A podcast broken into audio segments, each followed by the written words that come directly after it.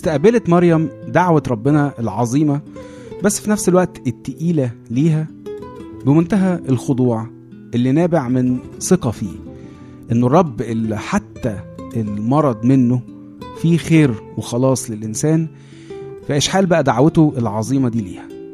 بزرع ابن الله جواها بالروح القدس عشان تكون هي والدة الإله بدون تدخل بشري في تكوينه. بس بمشاركة إلهية ليها هي ويوسف إن هما يكونوا أب وأم للمولود ده ويعملوا كل اللي مطلوب منهم عشان يكونوا اشتركوا في أعظم خطة أعدها الله للإنسان خطة خلاصه من عبودية الخطية والموت لحرية المجد والحياة.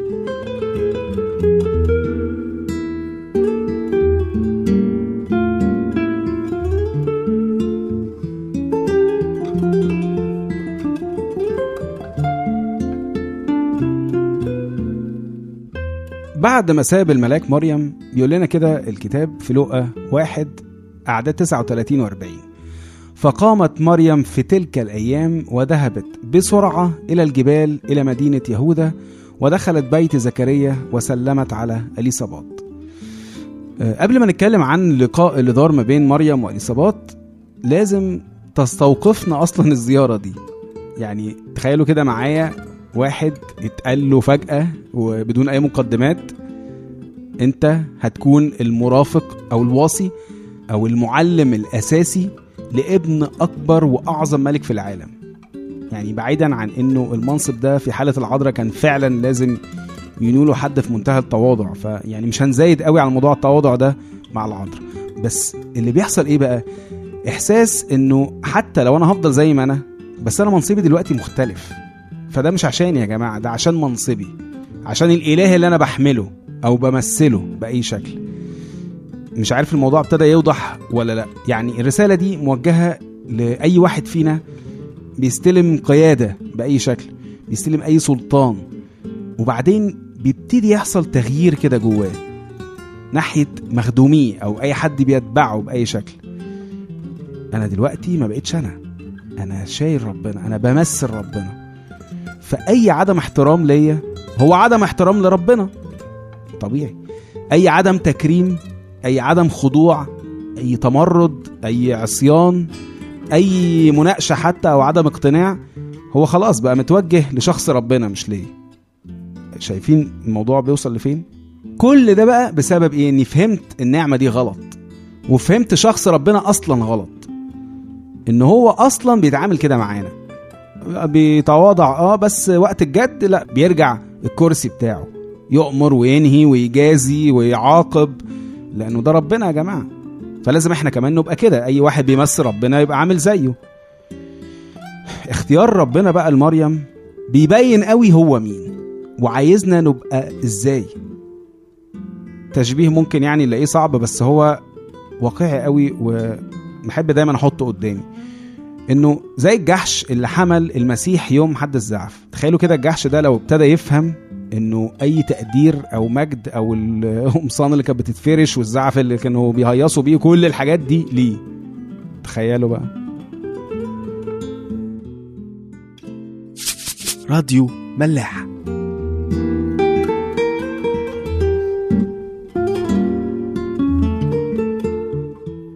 الحاجة التانية المبهرة في الزيارة دي بالنسبة لي يعني أو هيبان بعدين ليه هو حمل أليصابات في نفس الوقت.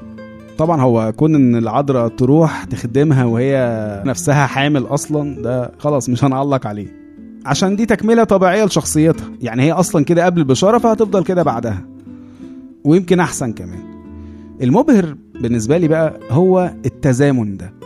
اللي ممكن أي حد يتقال عليه اللي ممكن أي حد يقول عليه صدفة. بس أنا هي من الناس اللي لا تؤمن خالص بحاجة اسمها صدفه مهما كانت صغيرة أو كبيرة كل حاجة ربنا بيعملها لسبب مهما كانت صغيرة. حتى لو السبب ده إنه يفرحني بحاجة ثانية واحدة ده سبب. أو يخبطني بحاجة ثانية واحدة برضه عشان أفوق لفكرة في دماغي أو حاجة معينة هعملها. فما بالكم بقى بموضوع كبير زي ده. فربنا ساعتها حب يدي لمريم المساندة دي السبورت ده إن اليصابات نسبتها تفضل مستنية كل ده لحد ما يبقوا شيوخ هي وزكريا؟ عشان برضو تحمل في الوقت ده بالذات. كان ممكن ربنا يفرحها قبلها بسنة قبلها بخمس سنين قبلها بعشر سنين بعدها أي حاجة. بس ليه في الوقت ده بالذات؟ عشان تبقى مع العذراء عشان تشاركها. ويبقى هما الاتنين استقبلوا وعد كبير بحاجة كبيرة في نفس الوقت. عشان كده أول حاجة يقولها لنا مريم عملتها بعد زيارة الملاك إنها جريت عليها. عشان عرفت إن هي دي اللي هتكون شركتها في المرحلة دي رفيقتها في الطريق ده. هتتعلم منها. آه، تحس بإيه؟ تتعامل إزاي؟ يمكن لو في آه، واحدة عندها واحدة صاحبتها بنت أو تعرفوا أي اتنين أصحاب بنات بيحملوا في نفس الوقت أو ورا بعض هيفهموا قوي الكلام اللي بقوله ده. إنه إزاي الموضوع ده بيساعدهم هما الاتنين. ده بقى اللي ربنا عمله مع مريم واليصابات كانت ممكن بقى مريم تقول لا أنا مش محتاجة حد. أنا دلوقتي واحدة والدة الإله يعني مش محتاجة أكيد مساندة من بني آدم عادية ويعني حتى لو هي هتجيب حد كويس نبي ماشي إنما مش ابن الله زي مش ملك الملوك. إنما مريم طبعا ولا جه في دماغها كل الكلام ده. هي قالت إيه ده؟ اليصابات كمان حامل. أنا هجري عليها دلوقتي نتكلم بقى عن الموضوع ده ونفرح مع بعض ونشوف هنعمل إيه. في سفر الجامعة صح أربعة أعداد تسعة وعشرة يقول لنا كده. اثنان خير من واحد لأن لهما أجرة لتعبهما صالحة لأنه إن وقع أحدهما يقيمه رفيقه وويل لمن هو وحده إن وقع إذ ليس ثان ليقيمه ودي بقى الحاجة المبهرة اللي كنت بتكلم عليها فكرة إنه ربنا بيحب إننا نكون مع بعض نشارك بعض نمشي في طريقه مع بعض من أول الخليقة ربنا خلق الإنسان ذكر وأنثى ليه؟ عشان ليس جيدا أن يكون آدم وحده فأصنع له معينا نظيره. من الأول. وعشان كده بعدين هنلاقي المسيح بيبعت الرسل برضه اتنين اتنين. فمن الآخر كده مفيش حد كبير على المشاركة على المرافقة دي. يقول لك اللي ملوش كبير يشتري له كبير لا اللي ملوش شريك يشتري له شريك. عشان لو وقع هو اللي هيقومه.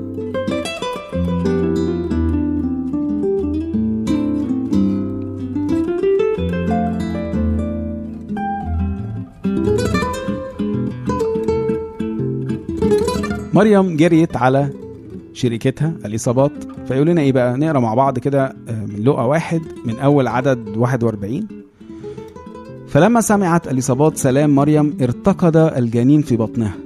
يعني فرح يعني فرح وتحرك كده بفرح وحماسة يعني. وامتلأت اليصابات من الروح القدس. وصرخت بصوت عظيم وقالت مباركة أنت في النساء ومباركة هي ثمرة بطنك.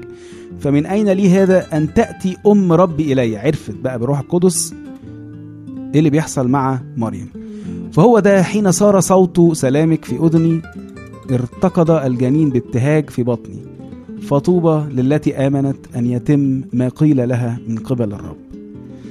اليصابات بالروح القدس؟ عرفت إن الجنين فرح بيها وصرخت بالكلام ده. هي شركتها بقى. فربنا بيوفق بيبارك وبيرشد. كل شريك يعني بيرشد كل شريك إزاي يساعد التاني. أنا مش هعلق قوي على كلام اليصابات يعني هو واضح ما فيهوش أي حاجة غير بس آخر جملة موضوع الإيمان ده. هو طبعا ميرا آه، اتكلمت بما فيه الكفاية عن الموضوع ده آخر مرة أنا بس هزود إن إزاي اليصابات كمان كانت مقدرة الإيمان ده. عشان هي كمان عدت بيه وفاهماه بس الفرق بقى إن يعني يمكن لو نرجع كده ونشوف حصل إيه مع زكريا. حصل معاه حوار يعني موضوع ظهور الملاك والخرس المؤقت اللي حصل له. بس مش ده اللي حصل مع العذراء ويمكن كتير مننا بيفهموا غلط بسبب الميديا أو الأفلام اللي شفناها إن بشرة الملاك كانت مبهرة في حين إن اللي يركز في تفاصيل اللقاء ده هيلاقي إنه غالبا كان لقاء عادي جدا. لدرجة إنه لما بنقرأ كويس إن اضطراب مريم لما قابلت الملاك ما كانش ابدا من أي حاجة مبهرة حصلت. بس بسبب كلام الملاك. ما عسى أن تكون هذه التحية. يعني هي دي الحاجة اللي وقفتها. ودي الحاجة اللي كان نفسي نستوعبها قوي قبل ما نكمل. عمر ما الإبهار أو الأعمال المعجزية الرهيبة ما كانت السبب ابدا في إيمان أي حد من ولاد ربنا. إنما الكلمة. يمكن الحاجات دي تساعد بس الأساس هي الكلمة. الكلمة اللي بيستقبلها قلب جاهز للقاء ربنا. بيدور عليه. مستنيه. فأول ما بيجي بيعرفه ويدخله. زي بالظبط آه، يعني الايه هي بتشرح مشهد يعني كلنا عارفينه في رؤيا 23 لما المسيح بيقول ها أنا ده واقف على الباب وأقرع إن سمع أحد صوتي وفتح الباب أدخل إليه وأتعشى معه وهو معي. اللي مستني ربنا وبيطلبه هيعرف صوته على طول. يعني مش محتاج إبهار مش محتاج تأكيد من حد ومش هيشك لحظة إن ده ربنا. ده هيعرفه من الخبطه خبطة الباب. فهيفتح له في ساعتها. وتحصل بقى العشاء العشرة دي في ساعتها. وده اللي هنشوفه بعد كده في لقاءات المسيح مع ناس كتير سواء التلاميذ أو حتى الناس اللي أول مرة تشوفه. إن هم على طول بيعرفوه. بيبان قوي الكلام ده في مناقشة المسيح مع اليهود اللي هي في يوحنا 10 أعداد 24 ل 28 يقول كده فاحتاط به اليهود وقالوا له حوطوه يعني إلى متى تعلق أنفسنا؟ يعني هتفضل معلقنا كده لحد إمتى؟ إن كنت أنت المسيح فقل لنا جهرا. أجابهم يسوع إني قلت لكم ولستم تؤمنون. الأعمال التي أنا أعملها باسم أبي هي تشهد لي. هو عمال يقول لهم أنتوا يعني أنا قلت لكم والأعمال اللي بعملها بتشهد لي بس أنتوا مفيش فايدة. ولكنكم لستم تؤمنون لأنكم لستم من خرافي. كما قلت لكم. شوفوا الأعمال عمرها ما هتخلي حد يآمن إنما الكلمة. ويكمل بقى يقول خرافي تسمع صوتي. وأنا أعرفها فتتبعني. وأنا أعطيها حياة أبدية ولن تهلك إلى الأبد ولا يخطفها أحد من يدي. هو ده الإيمان من الصوت وبس مش محتاج أكتر من كده. أي حاجة تانية بقى بتبقى وسائل مساعدة إنما الأساس هو الصوت والقلب اللي مستني يسمع صوت ربنا فأول ما بيسمعه بيعرفه. رد مريم بعد كده بنحسه بقى بيكمل المشهد اللي بيحصل ده. الروح القدس اللي جواها بيرد على الروح القدس اللي جوه اليصابات فبنلاقي تسبيحه يعني طلعت كده تلقائية. كلام طبعا ولا أحلى ولا أعظم من كده. يبين حالة اليوفوريا أو الحماسة والسعادة اللي هي من تحسوها من حتة تانية بسبب عمل ربنا فيها واللي هو هيعمله بالمسيح أصلا اللي هيجي من خلالها. هنقرأ التسبيحة دي مع بعض ونشوفكم الحلقة الجاية. فقالت مريم تعظم نفسي الرب وتبتهج روحي بالله مخلصي لأنه نظر إلى اتضاع أمتي.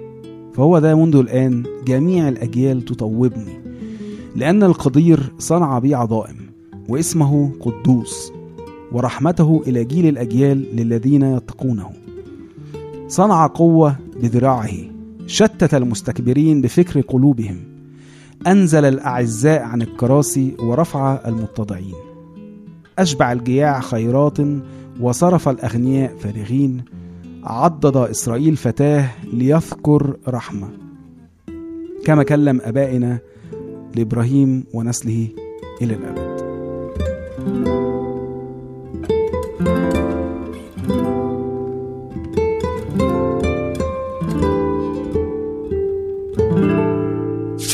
راديو ملاح.